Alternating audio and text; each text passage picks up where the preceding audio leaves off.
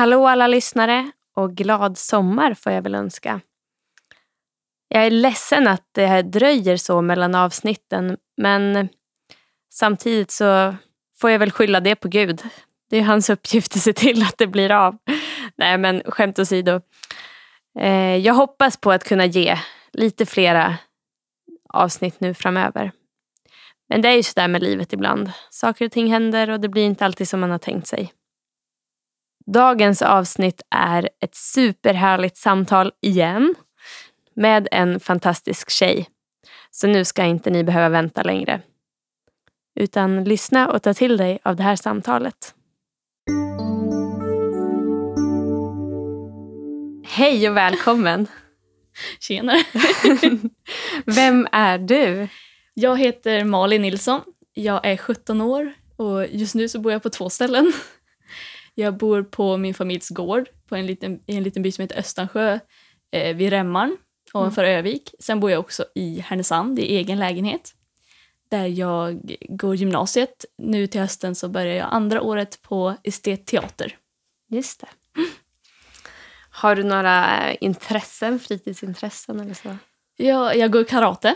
Mhm. Eh, sen så såklart så håller jag på med teater Ja. eftersom jag läser det i skolan. ja. Eh, och eh, så brukar jag spela och sjunga lite också. Eh, var i kyrkan, Mm. har varit mycket ledare för ungdomsgrupper i Hemlings kyrka. Just det. Lite hoppa på det mesta som kyrkan eh, vill Ja. eller erbjuder. ja. Kul. Hur länge har du känt Jesus? Eh, jo, min mamma är kristen. Så jag har ju som i princip växt upp i ett kristet hem. Min pappa är ju inte troende, men mamma har ju alltid bett med oss på kvällen, tagit med oss till kyrkan. Jag har gått i alla ungdoms och barngrupper som går. Typ. Så alltså, jag skulle nog säga att jag har ju trott på Jesus sen jag var sen barnsben. Mm. Eh, sen så vart det väl lite mer här, man, man lever lite på sina föräldrars tro kan man säga när man är yngre. Mm. Eh, men det väl lite mer seriöst efter konfan och då vart det, det är min tro. Mm. Och det, det är jag som tror på det här och eh, jag kan be ensam.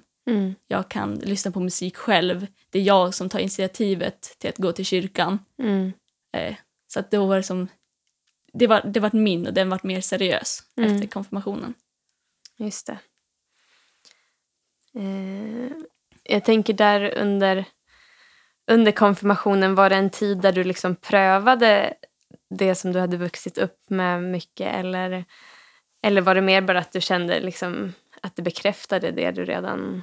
Jag skulle nog mer säga att det bekräftade sig. Mm. Eh, grejen med konfan tror jag också, att jag har alltid varit som ensam med min tro, alltså så här, inom unga. Mm. Det har mer varit jag och min kompis som har varit troende. Mm. Och när jag kom till konfan så var det så här, upptäckte jag att andra unga Ja. var kristna. Ja. Eh, och det gjorde ju så att jag fick en, alltså så här, mer typ hopp, eller Ja. vad man ska säga, om att det finns andra och jag är inte ensam. Och det här är inte någonting som bara är för gamla människor. Mm. Och det var väl mer då som jag kanske mer tog det seriöst eftersom jag insåg att det inte är konstigt Mm. och det finns faktiskt andra om man bara åker några mil ifrån byn. ja, men precis. Och så där fick jag ju som... Jag man har växt upp med samma tanter i kyrkan och då, de betyder jätte- jättemycket för mig. De har ju lärt mig jätte- jättemycket. Mm. Men då var det, eh, träffade ju andra präster, ungdomsledare som svarade på frågor och hjälpte mig väldigt mycket inom alltså det teoretiska. Mm. Eh, men också sen inom tron och berättade liksom så här, du får tro som du vill Mm. och bara gav en lite, lite riktlinjer och tips och tricks. Mm. Och det vart som... Det betydde väldigt mycket mer efter konfan. Mm. Det var andra människor som hade kommit i ens liv och påverkat en väldigt mycket. Mm. Vem är Jesus för dig? Eh, ända sen jag var mindre, nu är jag fortfarande ganska liten, jag var 17 år. Men sen jag var yngre, i kyrkan eh, brukar jag ofta säga eh, rita Jesus. Rita vad du tänker på när du hör Jesus. Och då har jag alltid ritat ett ljus som en eld. För att jag har alltid sett honom som ett stort ljus. Jag har väldigt svårt att sätta ett ansikte på honom. Ja. Utan jag ser bara som typ när man kollar in i solen. Ja. Och att det ett sånt ljus som leder en och samtidigt som värmer en. Mm. Att man kan känna sig som solens strålar. Mm. Eh, håller om en väldigt mycket, den omfamnar en. Mm. Det lyser på en överallt. Så att ljuset signalerar att han eh, leder mig vart jag går. Han leder mig på mörka vägar. Och, Mm. Men också en värme. Mm. Han håller om mig, han, kan, han omsluter mig på alla sidor. Mm. Men och det är som solen försvinner aldrig riktigt. Den kan gå i moln och eh, månen går upp ibland. Men man vet alltid att den är där. Mm. Så det är som, jag har alltid ritat en sol eller bara värme. Man ritar massa gult och orange. Och Ja. den signalerar hur Gud är för mig. Eller Jesus. ja. Wow. Det var en jättefin bild. Jag har inte hört den tidigare. På det sättet. Alltså, Men s- ja. Ja, sen är ju också Jesus som, det är min bästa vän. Mm. Absolut. Mm. Eh, det var en, när vi pratade om det här på ledarutbildningen, när Mm. du var där. Mm. hälsade på så var det någon som sa, jag minns inte vem det var, men det var någon som sa han är det jag behöver i den situation jag är i. ja, precis. Och då kom vi på att ja, men Jesus det är ju som en kameleont. Ja, precis. att när, ja. när jag är blå och kanske lite ledsen, Mm. då blir även han blå. Han anpassar sig efter lite situationen. Mm. Det, då, det känner jag också som en bästa vän. Mm. Att när jag är glad, då är oftast de glad. Mm. Eller alltså, när jag känner att en av mina närmsta vänner är jätteglad, då blir såklart jag glad. Mm. Och när de är ledsna och gråter, Ja. då kan, det är såklart att jag gråter också för jag hatar ju att se dem ledsna. Mm. Och det känner jag, den relationen har jag till Jesus. Mm. Att det är verkligen en bästa vän. Mm. Som att, han, alltid är att han känner med oss liksom, Ja. i, i det vi känner. Mm. Han är det jag behöver när jag behöver det. Ja, det är bra alltså.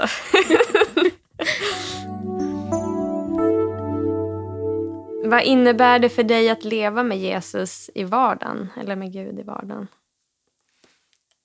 Ehm, alltså det är väl att be.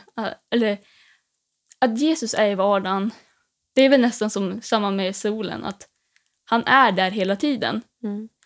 Men vi måste tillåta han att komma in också. Att låta han vara där. Mm. Han räcker ut sin hand mot oss. Men vi måste också ta den. Mm. Att låta han komma in i vår vardag, släppa in honom, låta han vara med i allting. Mm. Det kan jag också, eller ofta, märka med mig själv att så här, eh, nu vill jag verkligen att Jesus ska vara här. Mm. Även, alltså, det kanske inte är något speciellt tillfälle så, men då kan jag bara be en kort bön att Jesus var med mig. Mm. För jag vill, alltså, jag vill att han ska veta att jag vill ha med han varje sekund av mitt liv. Mm. Att visa han att jag är villig. Mm. Och det är inte bara, när du bankar på dörren så hör jag dig. Mm. Och jag vill släppa in dig. Mm.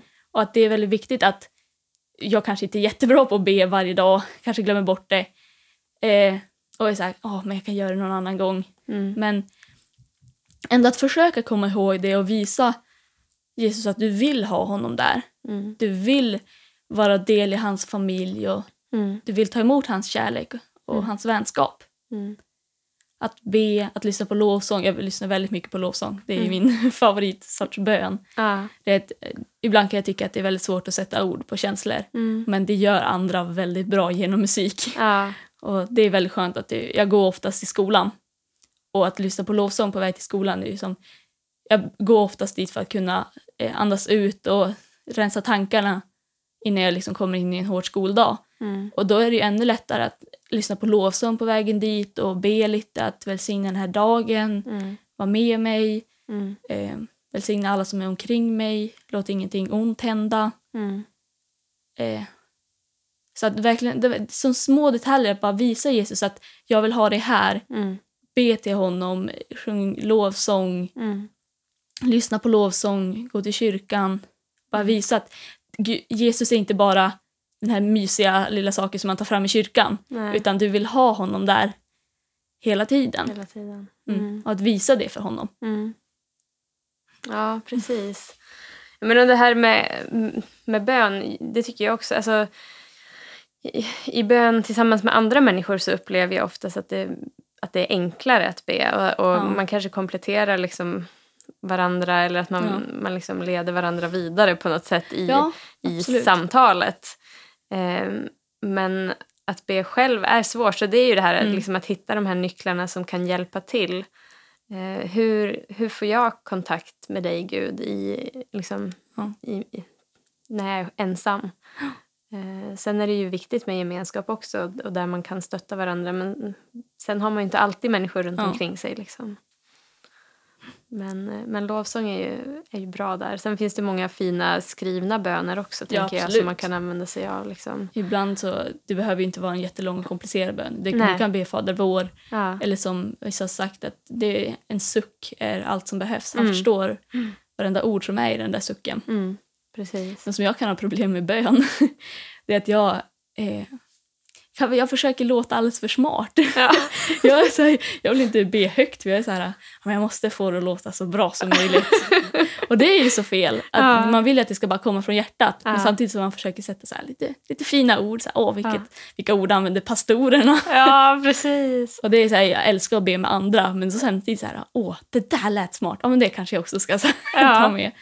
Och det är ju bra att man kan ta inspiration från andra också. Mm. Men det ska ju också komma från hjärtat. Mm. Och det känner jag lättare när jag ber själv. Mm. Det är att det verkligen kommer från mig. För annars är det här att åh, jag ska se bra ut inför andra. Mm. Att man sätter på lite av en mask Mm. för att, så här, för att verka som så här, åh, kolla vad duktig och fin jag är. Mm. Och då tycker jag att det är lite lättare att be själv eller att be tyst. För Mm. det gör jag väldigt ofta när jag är med andra. Mm. Att jag bara ber tyst. Mm. Eh, för då, då är mina ord Mm.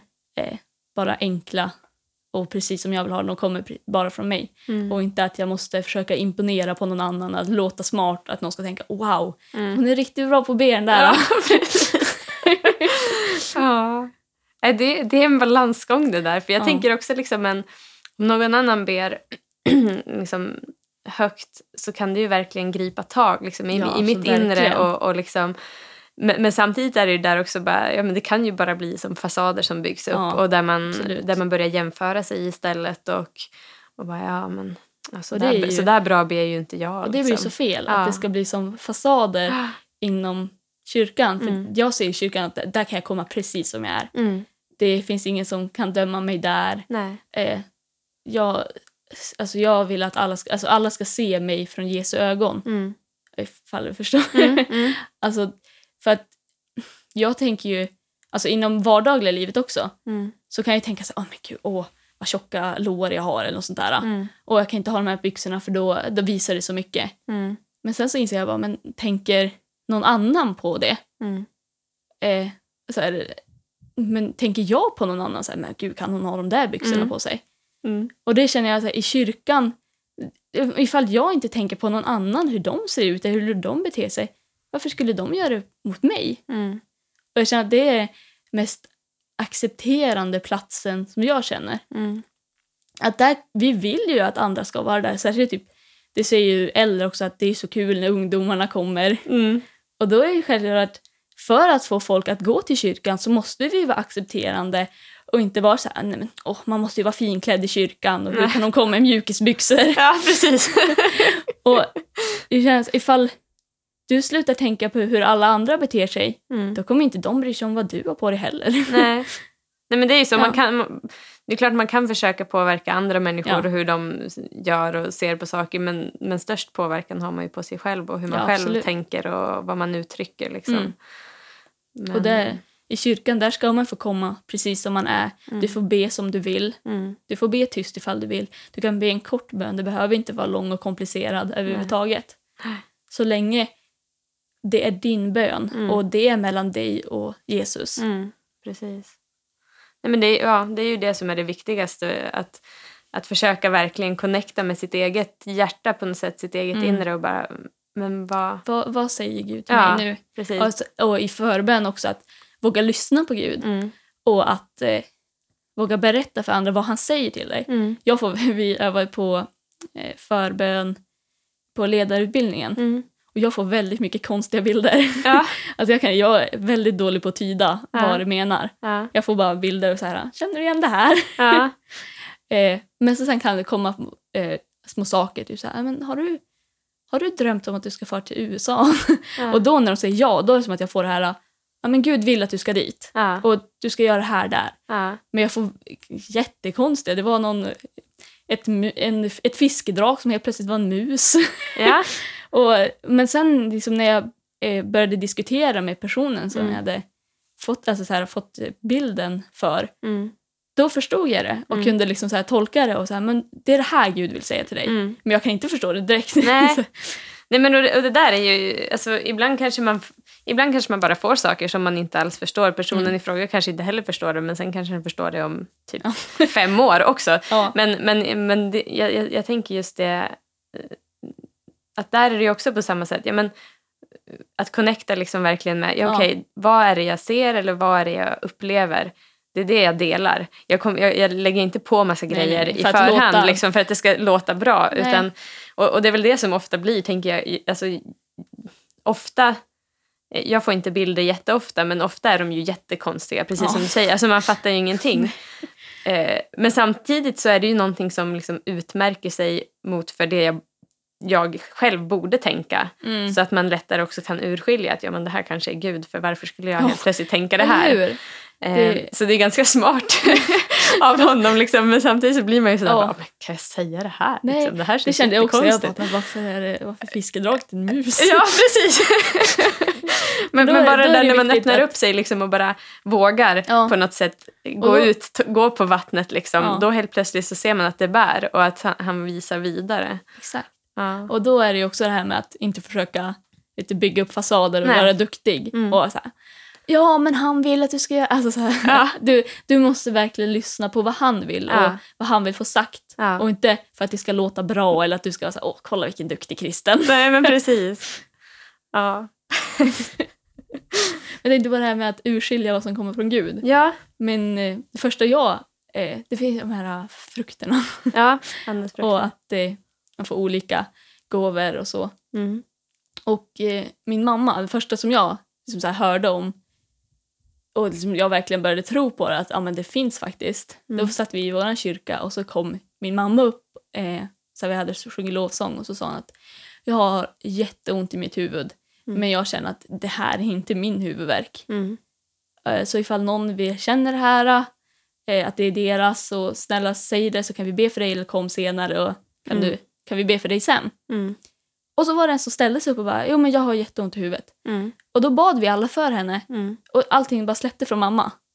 Och så sen så pratade vi det på vägen hem för jag var så helt eh, chockad. Och var så här, det, hela kroppen var varm. och Så här, jag kände verkligen att han var nära. Mm. Och då berättade hon fler sådana saker. Att det hänt att hon kan känna andra smärta. Mm. Men hon, kan, hon var, jag urskiljer om det är min eller inte. Mm. Och det var liksom då som jag först märkte att eh, hans gåvor finns. Och att Mm. jag började tänka själv jättemycket då att så här, är det här mig han pratar till? Sen när jag var ledsen, är det Mm. jag som är ledsen? Mm. Eller är det någon annan som jag behöver be för? Mm. Och att liksom lägga en liten extra bön så här, men nu har jag väldigt ont i huvudet. Är det här min huvudvärk? Och bara be lite kort för den som har det. Mm. Mm. Och det tycker jag är väldigt viktigt också, att kunna tänka då så här, urskilja, vad, är, det här mitt, är det här mina tankar, är det här mina bilder Mm. i huvudet?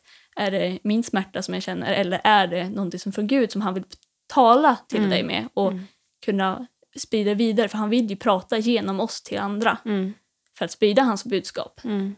och eh, liksom visa oss vägen och hur vi ska liksom, prata med andra och kommunicera och visa att det är han, alltså det kommer från att han bryr sig om er. Mm, precis.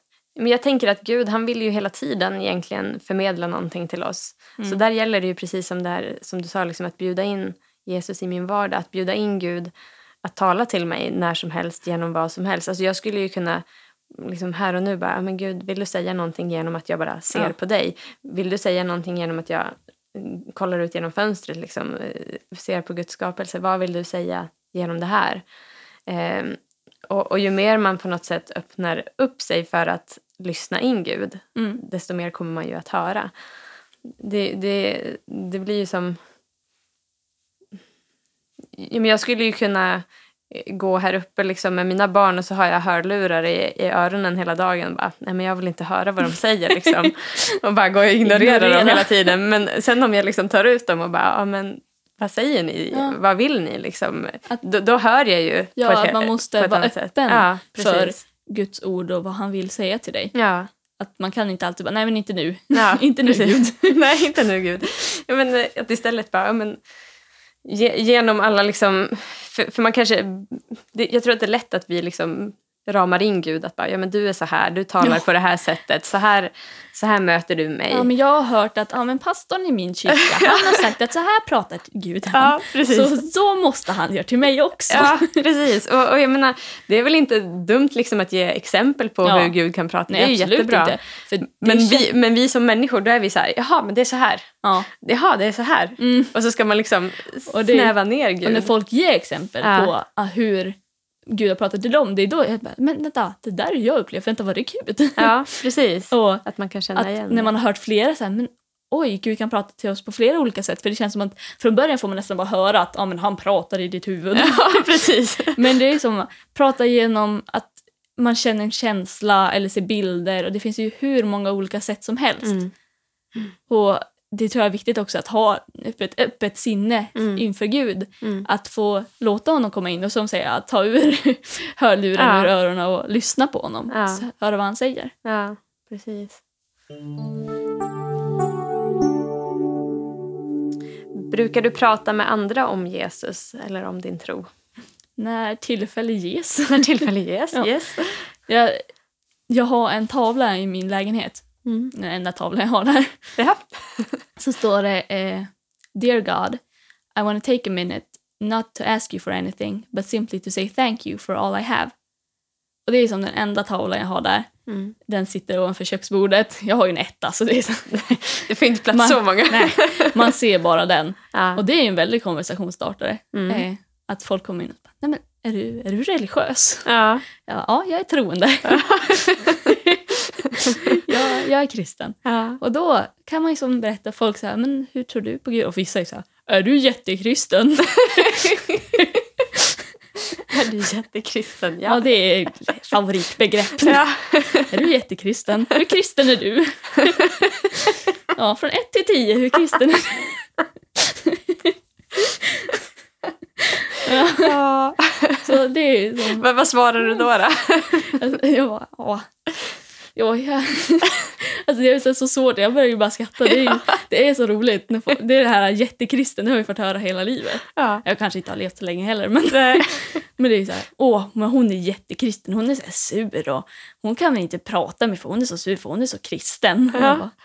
ah, Inte riktigt min Nej. upplevelse. Men... inte så jag upplevt det. Alltså så här, det är ett så roligt begrepp tycker jag. Ja. Hur bestämmer man hur mycket någon är kristen, hur lite man är det? Jag känner att man är väl det eller inte. Eller Sen beror det ju på hur mycket man så här, utövar sin religion som vissa säger. Mm. Alltså, ehm, folk säger ju jättekristen, det är ju de som sitter på bussen och läser Bibeln och kolla, hon är jättekristen. Ja.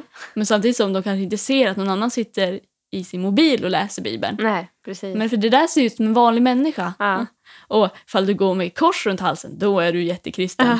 För då visar du att du är det. Ja, precis. Och då, det ska man ju gömma.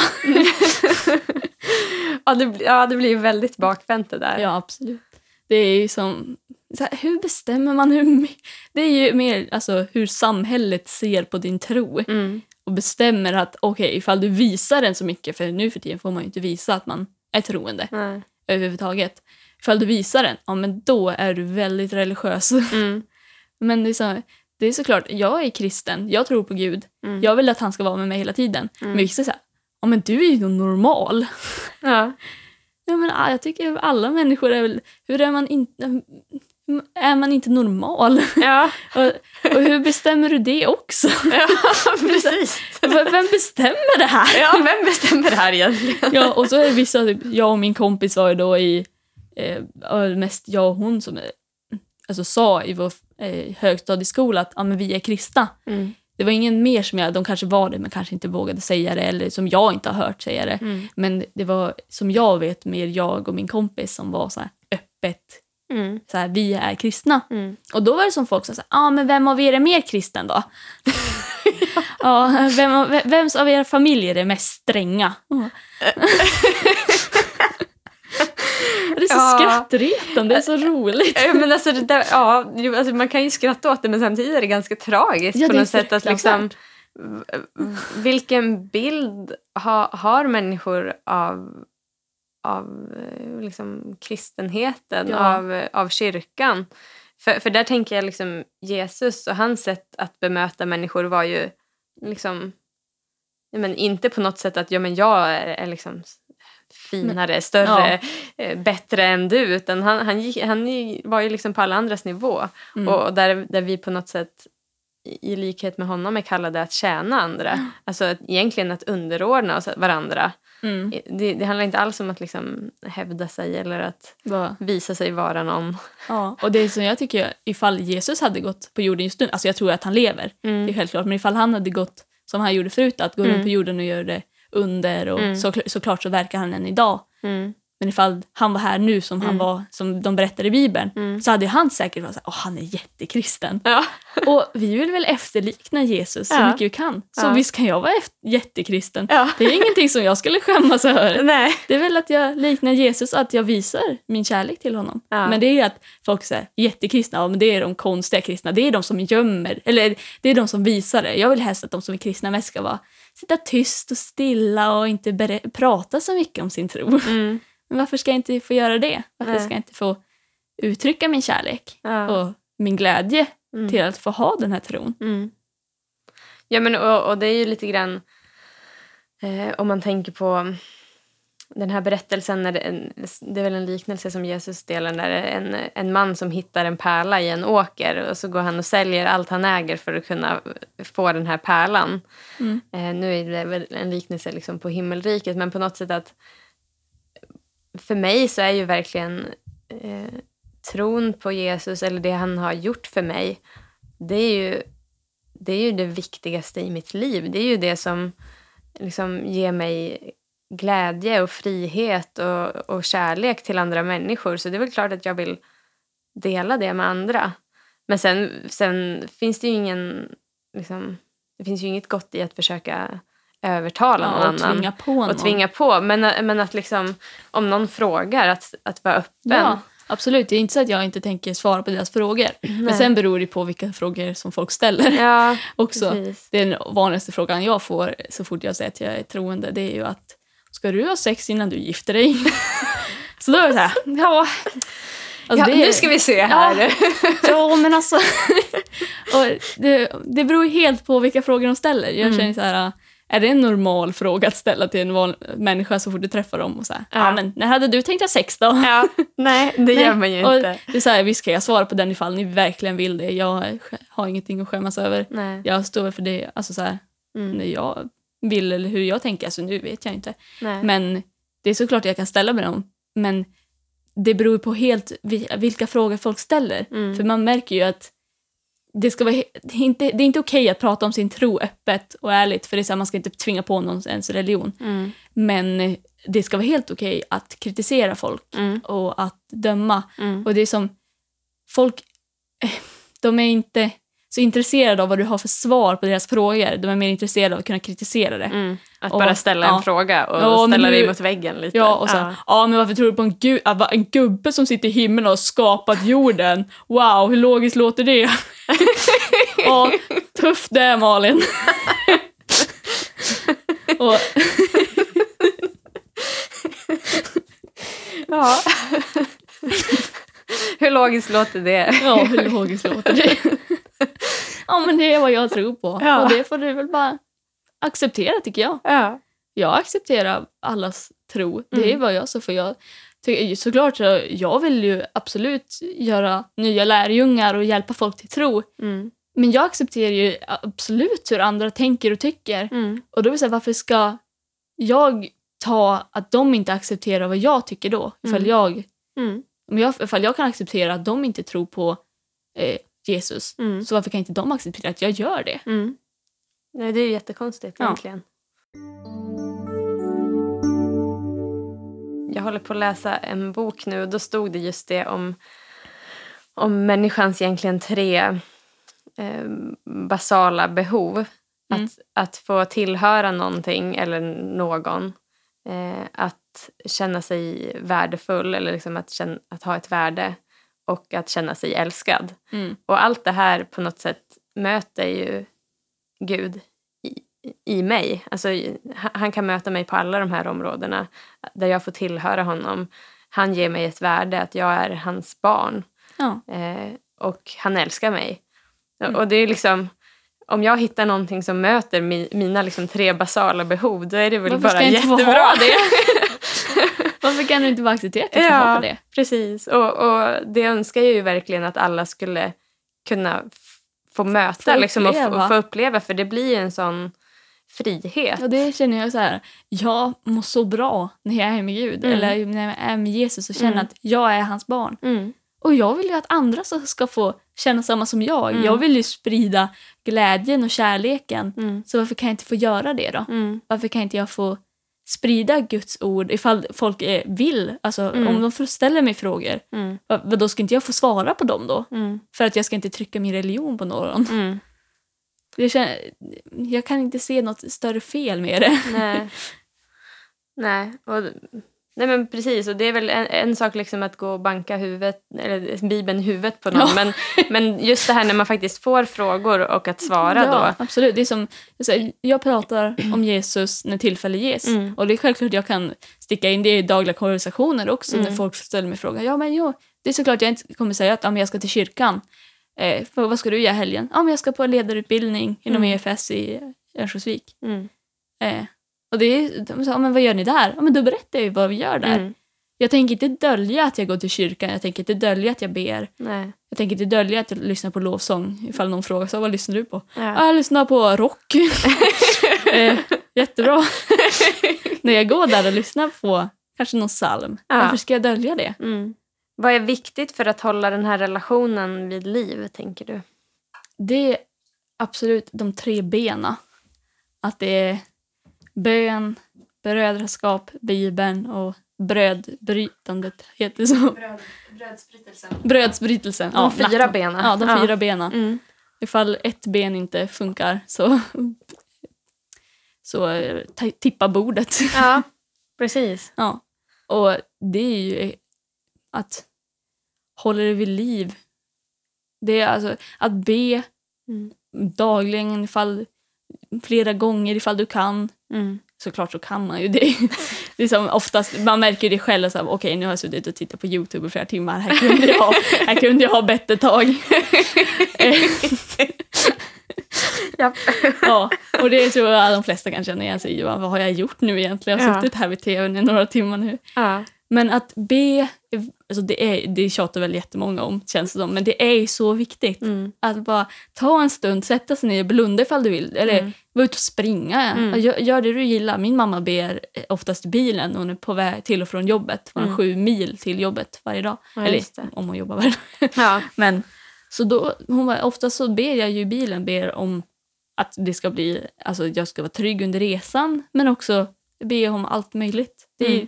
Min, min plats med Jesus, det är oftast min bil. Mm. Och jag kan ju märka också när mamma har sagt det, så jag har blivit inspirerad av att ja, men jag kan ju be på moppen på Mm. väg till jobbet. Mm. Eh, och så var det eh, ja, Edvin Näslund. Ja. Han berättade en gång att ja, men jag är ute, när jag, jag springer, då så ber jag oftast. Mm. Och då, det var nog första gången som jag insåg att ja, men vänta, man behöver inte sitta ner. Nej. För jag har alltid sett som man säger i kyrkan att man sitter ner, man håller knäppta händer och man ska blunda och kanske tända något ljus och så. Och det är Mm. jättefint att be så, Mm. men man behöver ju inte göra det. Nej, precis. Men du får ju be hur du vill, vad du vill. Mm. Du behöver inte be jättelånga böner, du kan be en kort. Mm. Men som jag kan be när jag går till skolan Mm. utan problem. Jag kan sitta hemma i min soffa och be och jag, jag kan göra det var som helst, när som helst Mm. Och hur jag vill. Mm. Mm. Så bön är ju väldigt viktigt och det är ju viktigt att ta sig tid för det. Mm. Och det kanske inte jag är jätteduktig på, men det är ju någonting som jag övar mig. Mm. Och man blir ju inte expert direkt. Det gäller ju att det är som med alla saker att få lite in en rutin. Mm. Det är som något, jag vill ju verkligen göra det. Mm. Det är ju självklart att jag vill. Mm. Men det är som att säga, nej men jag har inte tid nu. Mm. Men det, det gäller att ta sig tiden. Och så eh, brödraskapet är ju också extremt viktigt. Att ha någon att sitta och prata med. Som i eh, högstadiet så hade jag ju min bästa vän. Mm. Vi två var eh, troende och vi stod för det. Mm. Och då var det jätteviktigt för mig att bara få sitta ner och prata med henne och jag tror att hon tyckte det också. Mm. Alltså, även fast vi hade kristna familjer så man får ju som en bild av min tro kanske byggs på vad min familj tror. Mm. Men jag tror att det gäller att du ska bygga din egna tro. Mm. Vad, vad tror du på? Vad står du för? Mm. Och det hjälper väldigt mycket att prata med andra som inte ingår i din familj. Att prata med vänner Mm. och släkt och andra i kyrkan. Mm. Man får sitta ner och tänka, bara, "Ja, men vad tyckte du om predikan? predikan? Mm. Ja, men jag kanske inte riktigt höll med om det här, Mm. men vad tyckte du? Mm. Och att få ha en nära vän som så här, kanske träffar varje dag. Nu har inte jag det i, eller i Härnösand så har jag inte riktigt någon jättenära vän som är troende. Men jag vet ju att ja, jag har en gammal vän som finns här hemma och jag har en jättenära vän som Sundsvall som jag träffade under konfirmationen. Som jag vet att jag kan ringa henne när som helst och Mm. prata med henne. Och vi vi är väldigt, väldigt nära och vi har båda sagt det till varandra att du, det är så skönt att få kunna prata med dig Mm. om allt. Alltså så här, ja, men vad tyckte du om predikan? Mm. Jag funderar över det här, jag brottas med det här. Mm. Har du något tips och råd? Mm. Och det är så viktigt Mm. att bara få dela sina tankar. Det Precis. känner jag bara så här, inom vardagliga livet. Jag kan inte hålla saker inom mig. Nej. Ifall jag upplever någonting. Så jag känner jag bara må- måste prata om allt med vänner och familj. Mm.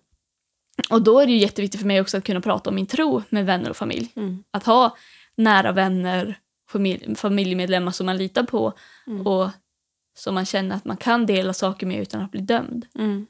Precis.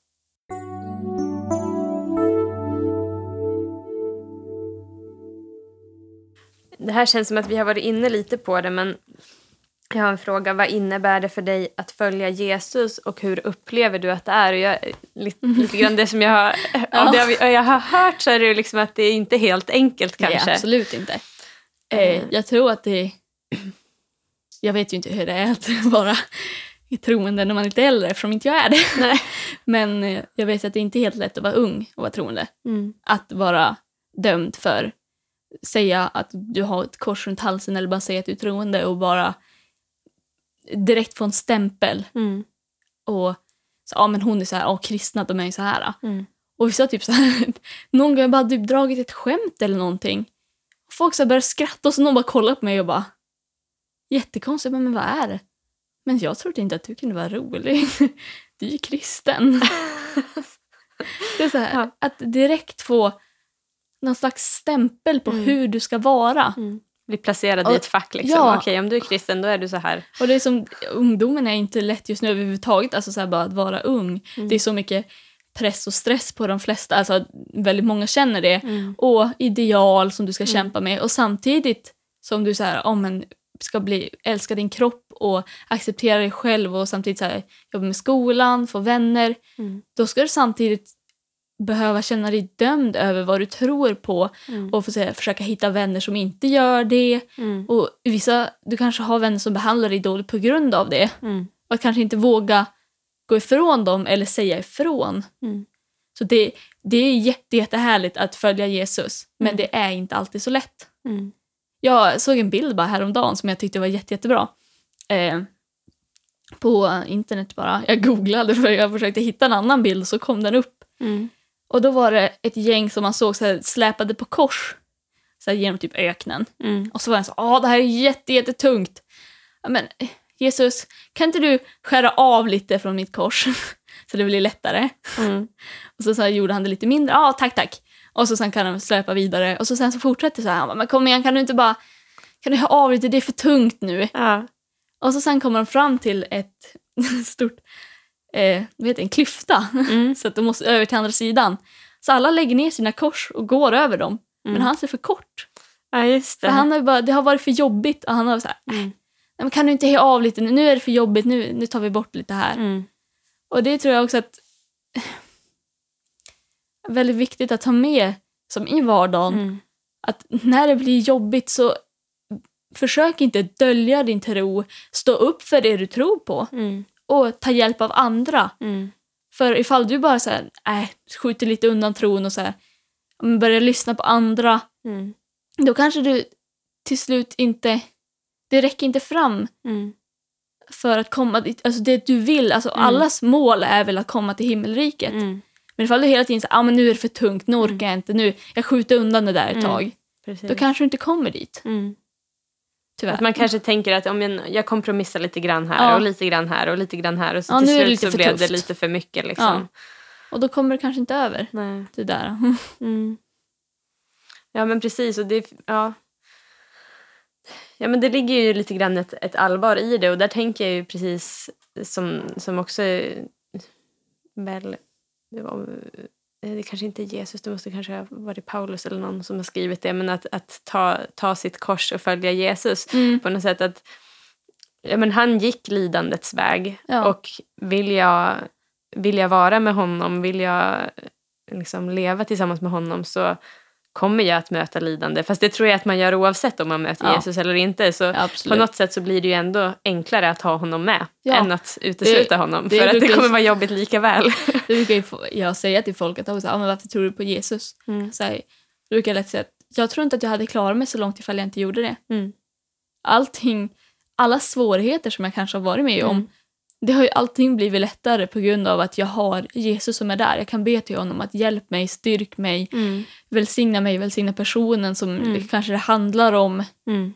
Att jag tror inte att jag hade, alltså jag, jag hade inte klarat mig lika bra Mm. ifall inte Jesus var där. Mm. Och det, så det svarar jag när folk Mm. frågar mig hur kan du tro på Jesus? Jag behöver honom. Mm. Jag behöver honom i mitt liv. Och jag tror de flesta gör det. Det är bara fråga om saker när de inser det. Mm, precis. Ja, och där är det ju också liksom, jag kan tänka så här, men eh, ibland så kanske man ifrågasätter varför måste jag vara med om det här eller varför Ja. måste den här personen utsättas för det här och så vidare. Jättetuffa situationer eller jättejobbiga saker som händer. Eh, men där Mm. tänker jag att, och jag menar det är ju inget ont som kommer från Gud men Gud kan Nej. ändå använda allting till att dra oss närmare honom Mm. om vi vill det. Men det kan ju också dra oss ifrån honom om vi inte vill att han ska finnas där. Om, om inte vi ska... Ja, men om vi inte vill att han ska liksom vara vår hjälpare, vara den som stöttar oss och hjälper oss. Ehm, ja. Det, jag, tror, jag tror ju på en helt god gud. Mm, Ingenting ont kommer från en gud som jag tror på. nej. Utan det kommer från annan. Mm, Och det enda som han vill det är att skydda oss och hjälpa oss. mm, Och det var också en bild som jag såg då. mm. Det var en liten man som eh, bara satt ner och så bara Åh, Gud snälla beskydda mig. Mm. Så, så ställde han sig upp så fick han en sten i huvudet. Mm. Och så vart han jätteledsen och föll ner på knäna och bara, Varför Gud gör du så här mot mig? Ja. Och så vänder han sig om och så står Gud där över honom med öppna armar. Och så ser man hur enorma stenar träffar honom om och om igen. Och så bara, oj förlåt, missade jag en? Mm. Hur mår du? Mår du äh, gick det bra? Och det är en så stark bild för mig för att visst, det kommer, det kommer hända små saker hela tiden. Mm. Eller kanske större saker också. Mm. Men jag tänker alltid på hur mycket kunde inte hända? Mm. Det har jag berättat för mina kompisar också som inte är troende. Och som Mm. bara, "Nej, men- oj jag har aldrig tänkt på det så. Mm. Det finns så mycket som skulle kunna hända. Det skulle kunna falla en atombomb just nu. Ja. Det skulle kunna krascha ett plan med hundratusentals människor. Alltså, eller, alltså flera. Det kunde vara en jättestor krasch i, med tåg. Och Mm. det, det finns så mycket olyckor som kan hända hela tiden. Mm. Som inte gör det. Mm. Och det tror jag är på grund av, av min gud som jag tror på. Mm. Den älskande gudens älskade gud. Ja. Ja. som eh, bara vill ta hand om alla, skydda alla. Mm. Även fast du inte tror på han så tror jag fortfarande att han skyddar dig. Mm. Precis. Och att visst, det kommer hända små saker ibland men han kommer hjälpa dig igenom det. Mm. Precis. Ja, och det är ju liksom så länge vi lever i alla fall på den här jorden som där liksom ondskan på något sätt har ett inflytande. Sen vet vi, det är därför liksom vi, vi vill att så många som möjligt ska, ska tro på den här guden så att de får vara, leva tillsammans med honom i all evighet där det inte Ja. kommer att finnas all ondska liksom, där den är utplånad. Men då, då måste man ju ta emot det liksom, Ja. att man vill tro på det. Som sagt, du måste också vilja. Ja.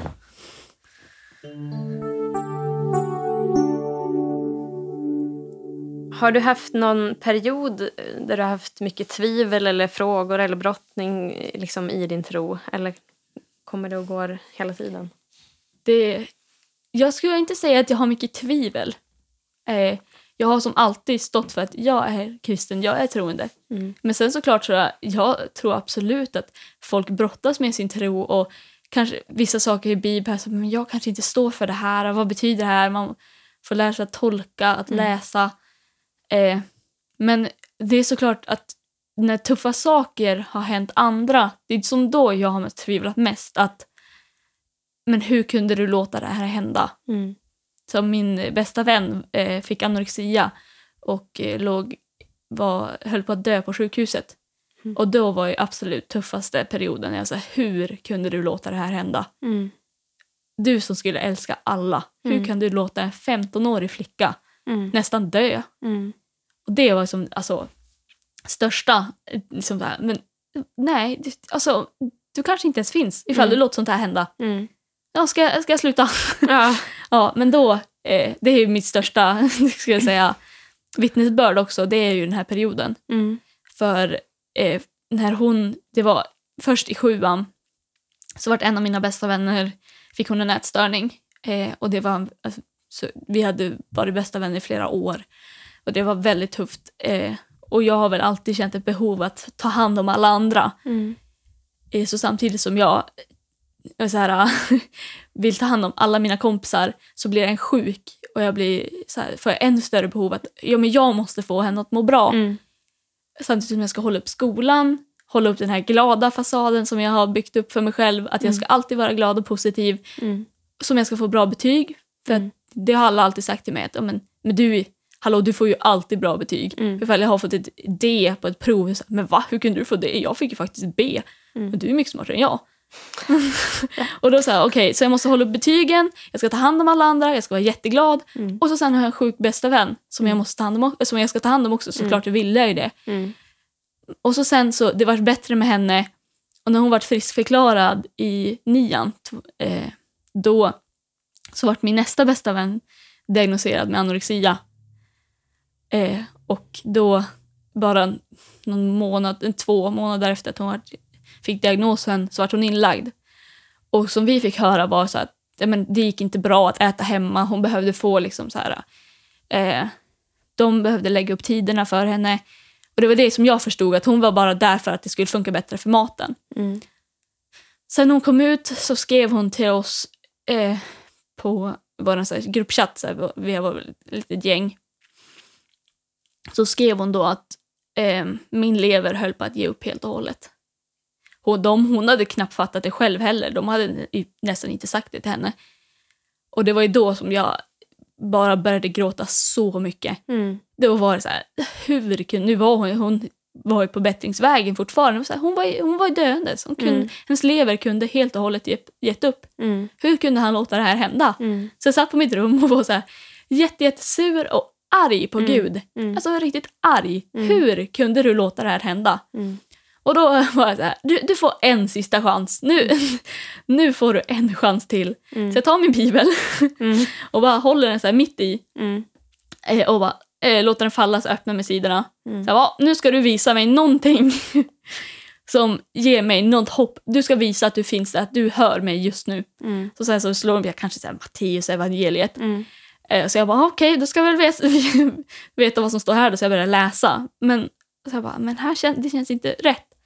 Men då får jag bara känsla i handen, så jag håller bibeln öppen med ena handen, för andra över och bara som puttar lite på sidorna med ett finger eller så. Mm. Och så faller det till Jesaja. Och där, jag bara, okej, vad står det här då? Mm. Eh, men så ser jag ett bibelord som jag strykit under med blyerts, som jag helt hade glömt bort. Mm. Eh, som jag hade hört under konfirmatiden. Jag tänker att jag ska kanske läsa det. Eh, det är Jesaja 41 och 10, ett ganska känt bibelord. Och nu kan jag tänka att nu har jag skitarg på Gud och så här, nu ska du visa mig någonting som visar att du är här och du hör mig. Mm. Och då så säger han till mig, var inte rädd, jag är med dig. Ängslas inte, jag är din Gud. Jag ger dig styrka och hjälper dig, stöder och räddar dig med min hand. Och det, det är det absolut största som jag har känt så här, okej, Mm. då kan jag tänka, bara tänka på den här bilden. Visst var det en sten i mitt huvud att Mm. min bästa vän blev sjuk. Men hon kunde ha dött. Mm. Han hjälpte henne igenom det där. Jag tror ju inte att, eftersom jag tror på en gud som är, alltså allt gott Mm. kommer från honom. Jag ser inget ont som kan komma från honom utan det kommer från den andra. Mm.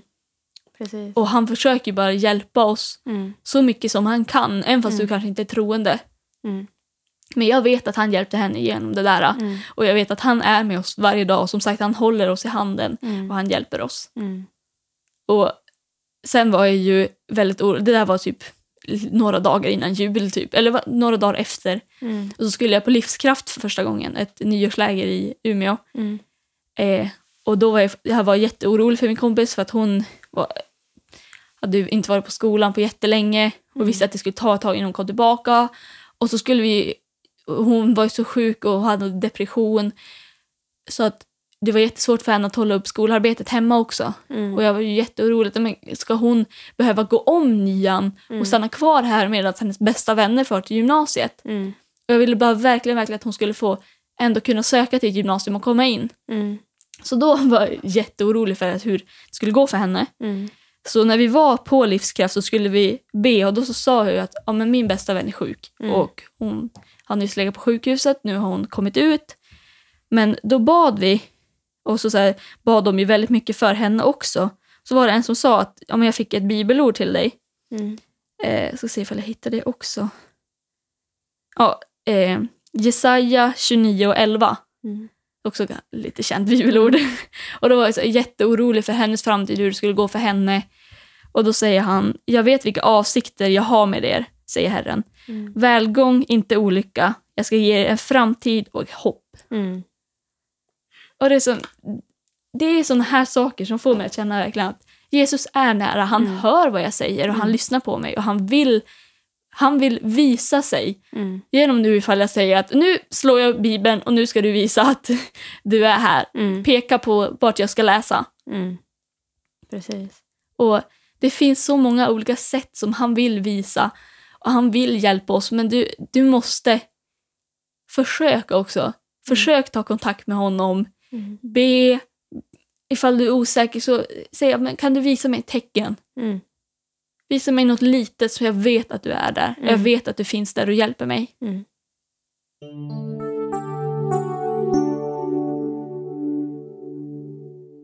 Nu har du ju delat några sådana här vittnesbörd. Finns det något mer du skulle vilja dela som, som Gud har gjort i ditt liv? Eh, jaha, det berättade jag det när vi var på ledutbildningen om eh, skidliften. Ja, men precis. Ja, men berätta den. Ja, det, den- var, det var den är bra. Den är bra. Eh, Allt är bra, allt som Gud gör. Allt är bra som Gud gör. Jag var eh, det var slutet av femman, så jag tror jag hade fyllt 12 år. Så skulle vi på en skidutflykt med femman och sexan, eller det var väl kanske några fler också, typ trean, fyran också. Men vi hade hyrt skidor för till eh, Solberg. Och mina kompisar åkte upp lite innan mig. Det var, vi hade väl åkt några åk och så. Men jag skulle typ kanske gå, hämta, gå på toa eller hämta torra vantar eller något sånt där. Jag minns Mm. inte riktigt. Men de åkte upp lite innan mig. Och så sen så ska jag hoppa på liften själv. Eh, nästan aldrig gjort det, alltid åkt med någon annan. Men så, när jag har gjort det har det väl gått bra. Men så när jag har tagit liften, satt mig då är det som en ankarlift. Eh, så märker jag bara att mina skidor har, jag har stått, ställt dem som ett eh, kors eller ett kryss. Mm. Så jag far iväg och typ åker bara 3-4 meter innan jag faller för att jag försöker rätta till dem. Eh, så jag ligger där på backen. Jag har jätte, jättesvårt att komma upp från när jag har fallit från mina skidor. Jag har fortfarande det. Jag tycker det är jättesvårt. Ja. Eh, men då, paret som är efter mig tar, tar liften men märker att jag har fallit bara några meter framför dem. Jag försökte hoppa till sidan men det gick inget vidare det heller. Eh, och jag var väl lite sur och så här, "Alltså, jag ska bara kliva upp någon gång. Ja. Men de släpper liften och då kommer den svingandes emot mig. Och jag, jag har väl inte sett det riktigt men så känner jag bara hur det slår till i mitt bakhuvud. Och jag bara, ah, ja, kul, ännu bättre, vilken bra dag, fallit i liften och slår mig i bakhuvudet. Gud vad kul! eh, och så lite sur och vill bara upp. Ja. Jättedålig på att ställa mig upp och sen så känner jag bara hur det börjar dra i min hjälm. Mm. Eh, och då har jag haft eh, glasögon på hjälmen satt på huvudet eh, där fram som man lyfter upp dem. Och då sitter de fast i bakhuvudet också. Där finns ett spänne och det sitter väldigt hårt. Så när liften slog mig i hjälmen så åker glasögonen av och liften fångar upp dem. Och eftersom de sitter så hårt så släpper de inte. Och så jag känner hur den bara börjar dra iväg med min hjälm. Mm. Eh, och jag försöker knäppa upp alltså, eh, vet du, fästet på? Spännet. Spännet Ja. på hjälmen, men det går inte. Jag får inte upp det.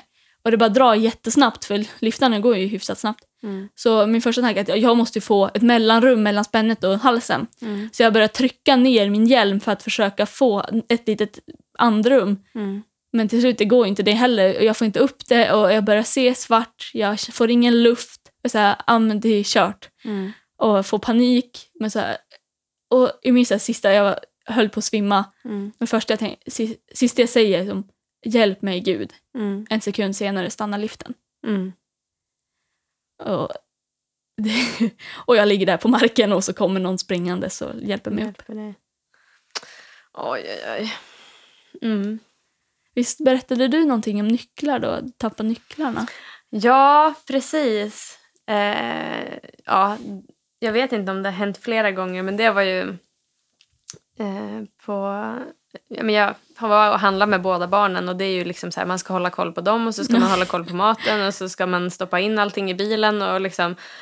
Ja, till slut sitter barnen där inne och maten är i bilen men då finns ju inte bilnyckeln någonstans. Och jag bara, är det sant? Okej, nu kan typ ett, ett barn kan ha slängt den någonstans inne på affären fast då blev jag så här, men då borde väl jag inte ha kunnat öppna bilen för sen bara, ja, men jag kanske glömde låsa den. Ja, okej, den kan vara någonstans inne på affären, den kan vara i kundvagnen, den kan vara ja, liksom typ vart som helst kändes det som. Eh, så jag får ju typ lite sådär panik och bara springer in och jag bara ah, hoppas barnen sitter kvar i bilen, att de inte börjar gråta. Eh, och typ, ja, men kollar i kundvagnen och, nej, där, var- där var den inte. Springer in typ till kassan och försöker kika liksom och sen bara nej, det här går inte. Springa ut igen, försöker kolla liksom på marken. Jag ser den inte någonstans. Och så sen bara, jag kanske, alltså, kanske bara ska fråga Gud vart den är. Liksom. Alltså, Ja. det är som att man, man är som mitt uppe liksom, i den där stressen och Ja. man, man helt glömmer bort att han finns. Liksom. Ja. Det är på något sätt, man översköljs av, av liksom bara panik typ. Ja. Och det här var ju inte ens någon farlig situation men ändå man blir så här, nu ska jag lösa det här. Liksom. Vart är nycklarna? Och så bara, men gud vart är nyckeln? Du måste ju kunna vi, visa mig vart nyckeln är. Och då liksom faller min blick snett under bilen och då har den liksom ramlat ner när jag satt i en av barnen och ramlat in under bilen. Så då ligger den ju där och jag bara... Och det händer liksom så här blixtsnabbt, Ja. precis som du säger. Alltså precis efter man har uttryckt den här bönen. Ja. På något sätt för mig blir det så tydligt. Jag, visst, det kunde vara en slump. Ja. Men jag tror inte det. Jag kan inte tro det när jag hör- liksom så många som berättar Mm. eh, så, sådana saker. Där liksom att ja, men, Gud svarar. Sen är det ju eh, många gånger man hör att ja, men jag har bett och jag får inget svar och, och Ja. liksom sådär också. Ehm, men där måste man väl bara förstå att Allt tar sin tid, ja, jag. allt har sin tid och vi, vi vill ju ha allting efter vår tid. Liksom. Men då, då gäller det ju igen det där, bara, ja, men vem är det som är herre i mitt liv? Vem är det, vem är det jag tror på som, Mm. som har all makt och som vet allt och som vet bäst? Ja, men jag tror ju inte att det är jag. Nej. Det är därför jag tror på Gud. Annars skulle jag ju kunna fortsätta tro på mig själv, liksom, att jag vet bäst. och Ja, att jag, kan, det här. Jag klarar Ja, mig ur det här. Jag hörni. klarar mig själv, liksom. men på något sätt har jag ju insett det, att jag Ja. gör inte det. Nej. Ehm, tror jag insåg det ganska snabbt efter den där slalomliften. jag klarar mig inte. Jag klarar mig inte själv. Och det är ju jättebra att hamna i sådana situationer där man inte klarar sig själv. Tror, vi diskuterade väl det här på ledarutbildningen också och så kom vi fram till att det är som att Gud står där över oss och håller bara i nyckeln. Ja. Samtidigt som vi springer där under som galningar och kollar överallt och säger men vart är den, vart har jag lagt den? Ja. Och så sen så bara, bara ja, lugnar oss, kollar upp och så står han där med den. Precis. Och att det är som han har svaren bara ifall vi lugnar ner oss, tar några djupa andetag och bara frågar Gud. Ja. Bara vi är söker nyckeln? honom. Liksom. Ja. Ja. Sök, sök Gud, sen ska du... Allt, Sök först Guds Gud. rike, ja, så ska du få allt det andra också. så går den. Ja, men det, det är ju verkligen så. Det är ju Mm. liksom en, en princip som på något sätt håller att tro på. I alla fall vad jag har sett. Sen... Ja, det får man väl pröva hela sitt liv. Men Ja. Än så länge.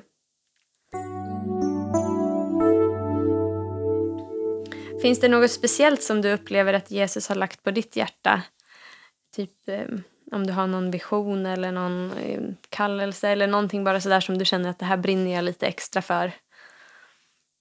Absolut något som jag brinner extra för det är ju unga tjejer, unga människor överhuvudtaget. För jag Mm. har sett så många som mår dåligt. Mm. Och att kunna, ifall jag skulle kunna hjälpa dem genom tron Mm. att må lite bättre, för det är ju så som jag känner att jag har överlevt mina tonår. Mm. Det är ju på grund av att jag har haft en tro. Mm. Jag har också tänkt, haft så här, om en, ah, man kanske borde kanske sluta äta för att ja, men då blir jag ju smalare. Mm. Men då har jag bett till Gud och han har sagt nej du det där är inte svaret. Nej. Och liksom berättat för mig att du är perfekt i mina ögon. Mm. Och det säger min mamma också hela tiden, hon sjunger Mm. alltid att eh, du vet väl om att du är värdefull. Mm. Eh, och jag, det är någonting som jag verkligen skulle vilja hjälpa andra med. Mm. Att veta deras värde Mm. eh, och förstå det, att de är värdefulla i Guds ögon. Mm. Och sen också, bara för några veckor sedan, det var, det var ju vinter, eh, så gick jag i Härnösand där jag bor nu. Mm. Och det var jättefint ute, solen sken och det var så här, snön glänste. Mm. Och så insåg jag att alltså, jag är så glad. Mm. Och jag är så lycklig, precis där jag är. Mm. Och så började jag fundera på så här, varför flyttade jag till Härnösand egentligen? Mm. Det var självklart att jag, jag ville gå teater. Mm. Eh, för det är någonting som jag verkligen tycker om. Och jag hade som en liten plan att ja, men jag ska gå där. Men det var ju som helt plötsligt så bara fick jag reda på den här linjen. Och jag var där och hälsade på. Och sen var det bara, det var helt klart att jag skulle flytta 18 mil och bo där ensam. Mm. Och jag hade ingen mer tvivel eller oro över det. Mm. Det var jättemånga som sa, ja men känner du dem där nere? Nej. Nej, det gör jag inte. ska du bo ensam? Ja, det ska jag. Men du är bara 16 år. Ja, det är jag. Där alla andra försöker Ja. ösa tvivel. Ja, och jag var så här jätte... Så, här, ja, ja, det ska jag väl. Det var Mm. bara typ så här kvällen som min mamma lämnade mig Mm. som jag insåg bara, nej men gud vänta, jag bor ensam. Vad håller jag på med? Vad gör jag? Men sen bara, det, kände aldrig mig orolig Nej. eller så, så här, något tvivel överhuvudtaget. Och då insåg jag att det är ju genom Gud som jag känner mig så trygg. Mm. Jag tror, jag har en känsla av att det finns en anledning till att jag är i Härnösand. Mm. Det är inte bara för att jag ska gå teater utan det finns någon större anledning. Det kanske är någon eller några jag ska hjälpa där. Men jag är där av någon anledning. Mm. Eh, det har jag bara en stark känsla av. Mm. Och jag tror det är därför jag inte har något större tvivel över att... Alltså jag, jag har jättefina kompisar, jag har en jättebra linje, jag tycker om där jag bor. Mm. Och jag har min herre som Mm. jag tror på, som får styra mitt liv och som jag ber om råd. Mm.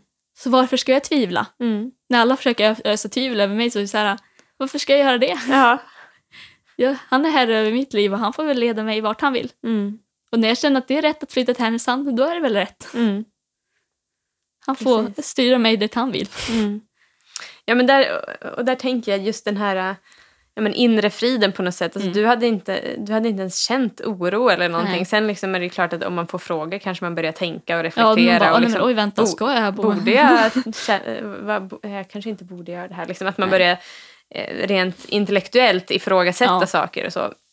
men just det här att ja, men jag tror att det, det är väldigt enkelt ändå att, att följa Gud. Liksom, Ja. För att han vill ju aldrig göra någonting liksom som, som gör att jag känner mig osäker eller otrygg eller eh, där, jag, där jag känner mig oälskad. Eller, alltså, utan där, där det finns frid och liksom en trygghet i, Mm. i det, det vet jag ju är gott och liksom kommer från honom.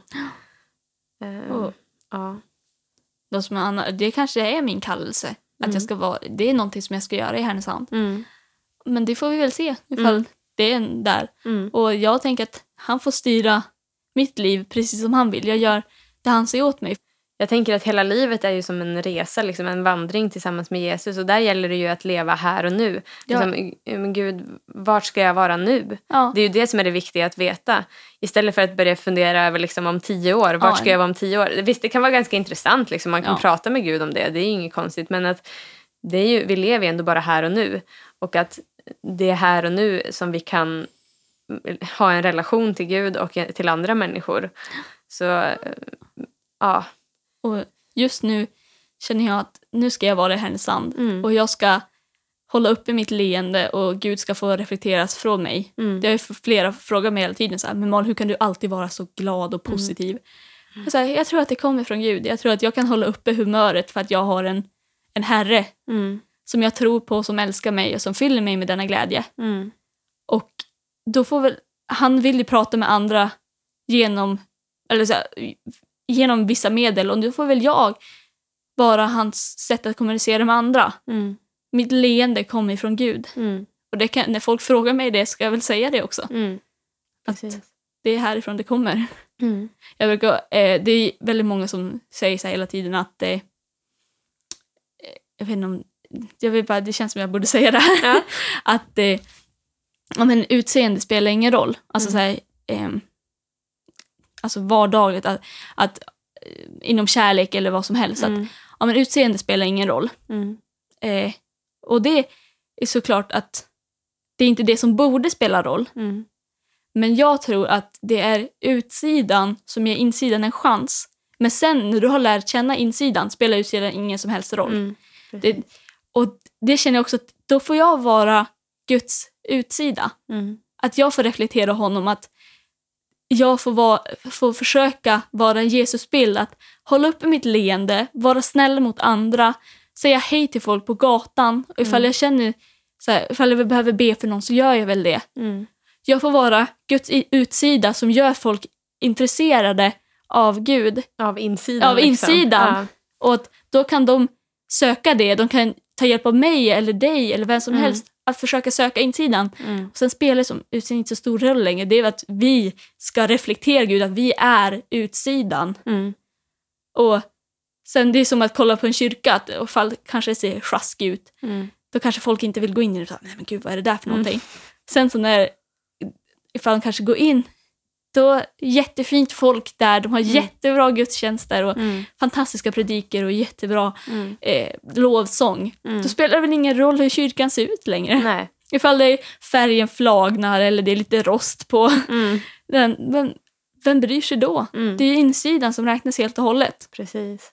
Och då får vi väl då får vi reflektera utsidan och sprida ett så glatt budskap som helst för att folk ska våga komma in. Mm. Precis. Ja, det var väldigt fint.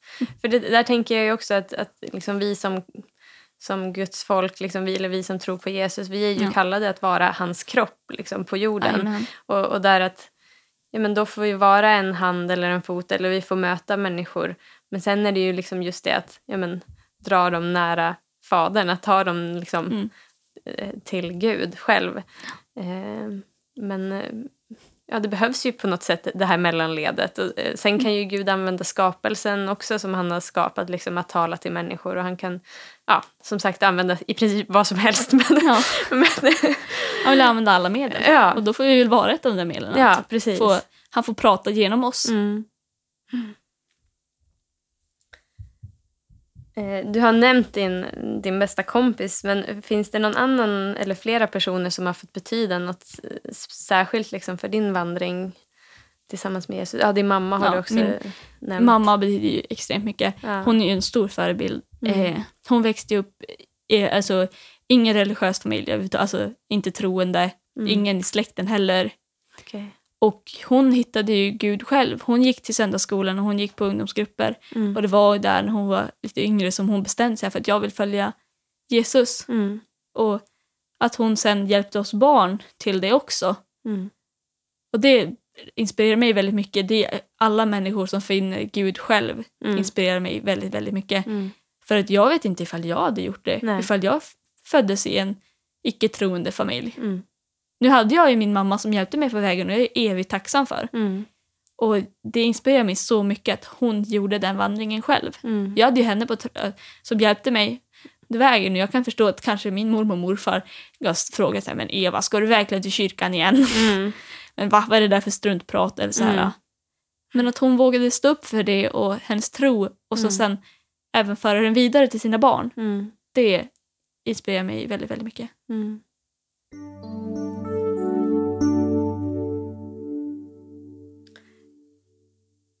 Eh, Den sista frågan som jag har det är om du har något tips på någon bibelberättelse eller någon annan bok eller musik eller film eller vad som helst. Någonting som du liksom känner det här. Eh, som sagt, de bibelorden som jag läste nu, Mm. Jesaja 41 och 10 och Jeremia 29 och 11, Mm. de är de som ger mig störst hopp och tro, ska jag säga. Mm. Och det som typ sammanfattar min tro lite grann också, verkligen i Jesaja 41 och 10, är att vi behöver inte vara rädda för Gud är med oss, han håller våran, våran hand. Mm.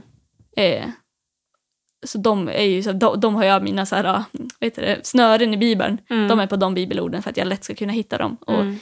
när jag tvivlar eller är ledsen eller vad som helst så kan jag slå upp där och bara läsa Guds ord. Mm. Sen så lyssnar jag jättemycket på lovsång. Mm. Och en favorit just nu är väl När jag ser din himmel. Ja. Den är väldigt fin. ja. Och liksom att de berättar om Gud har skapat allting, men vad är då vi som är så små, vad är då en liten människa när du har skapat himlen och du har satt månen och solen och Mm. stjärnorna. Men vad är då en liten människa? Mm. Men du ser oss ändå i Mm. våran nöd och du lyssnar på oss. Mm. Den är jätte, jättefin. Och jag har, det finns så mycket fler lovsånger, typ When I, when I cry, eh, There's nothing greater than grace. Och det finns så många. Ifall någon vill så har jag en spellista Ja. som heter eh, Sida vid sida med Gud ja. på Spotify ifall någon vill kolla. Sida Min- vid sida med Gud. Den ska Ja. jag lyssna in i alla Ja. fall. Där, ja, det är tips för när man är på gudstjänster. Mm. Att jag, när jag hör en bra lovsång, så, så här, då tar jag upp min telefon och skriver ner så här, några verser. Mm. Om jag skriver ner så här, ja, bara typ en, en rad från en psalm som jag tycker, ja men den här var riktigt bra. Mm. Eh, då skriver jag ner den i telefonen, sen när jag kommer hem så googlar jag och så får jag namnet på den, så lägger jag till den i min spellista. Mm. Så som alla gudstjänster som jag är på hittar jag kanske alltid en ny liten lovsång. Mm. Eller, så då skriver jag ner dem och lägger till dem i min spellista. Mm. Men som en favoritpsalm är ju också Jag vill ge dig och Herre min lovsång. Mm. Den är ju väldigt, väldigt fin. Jag håller med. den ger mig alltid lite tårögd. ja. Att få, det är också som något som jag tror, att jag vill göra mitt liv till en lovsång till dig. Mm. Att det här att jag håller upp mitt leende och jag vill leva för dig. Att jag, allt jag gör ska reflektera din godhet. Mm. Och det vill jag leva med. Mm. Ja, men då säger jag tack så mycket för att du kom hit. Och tack själv för att jag vill komma. Jättehärligt.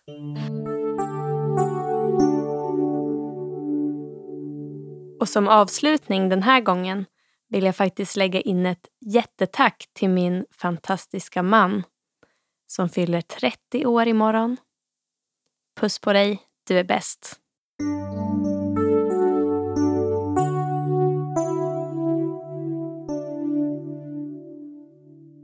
Producerad av AN Ton.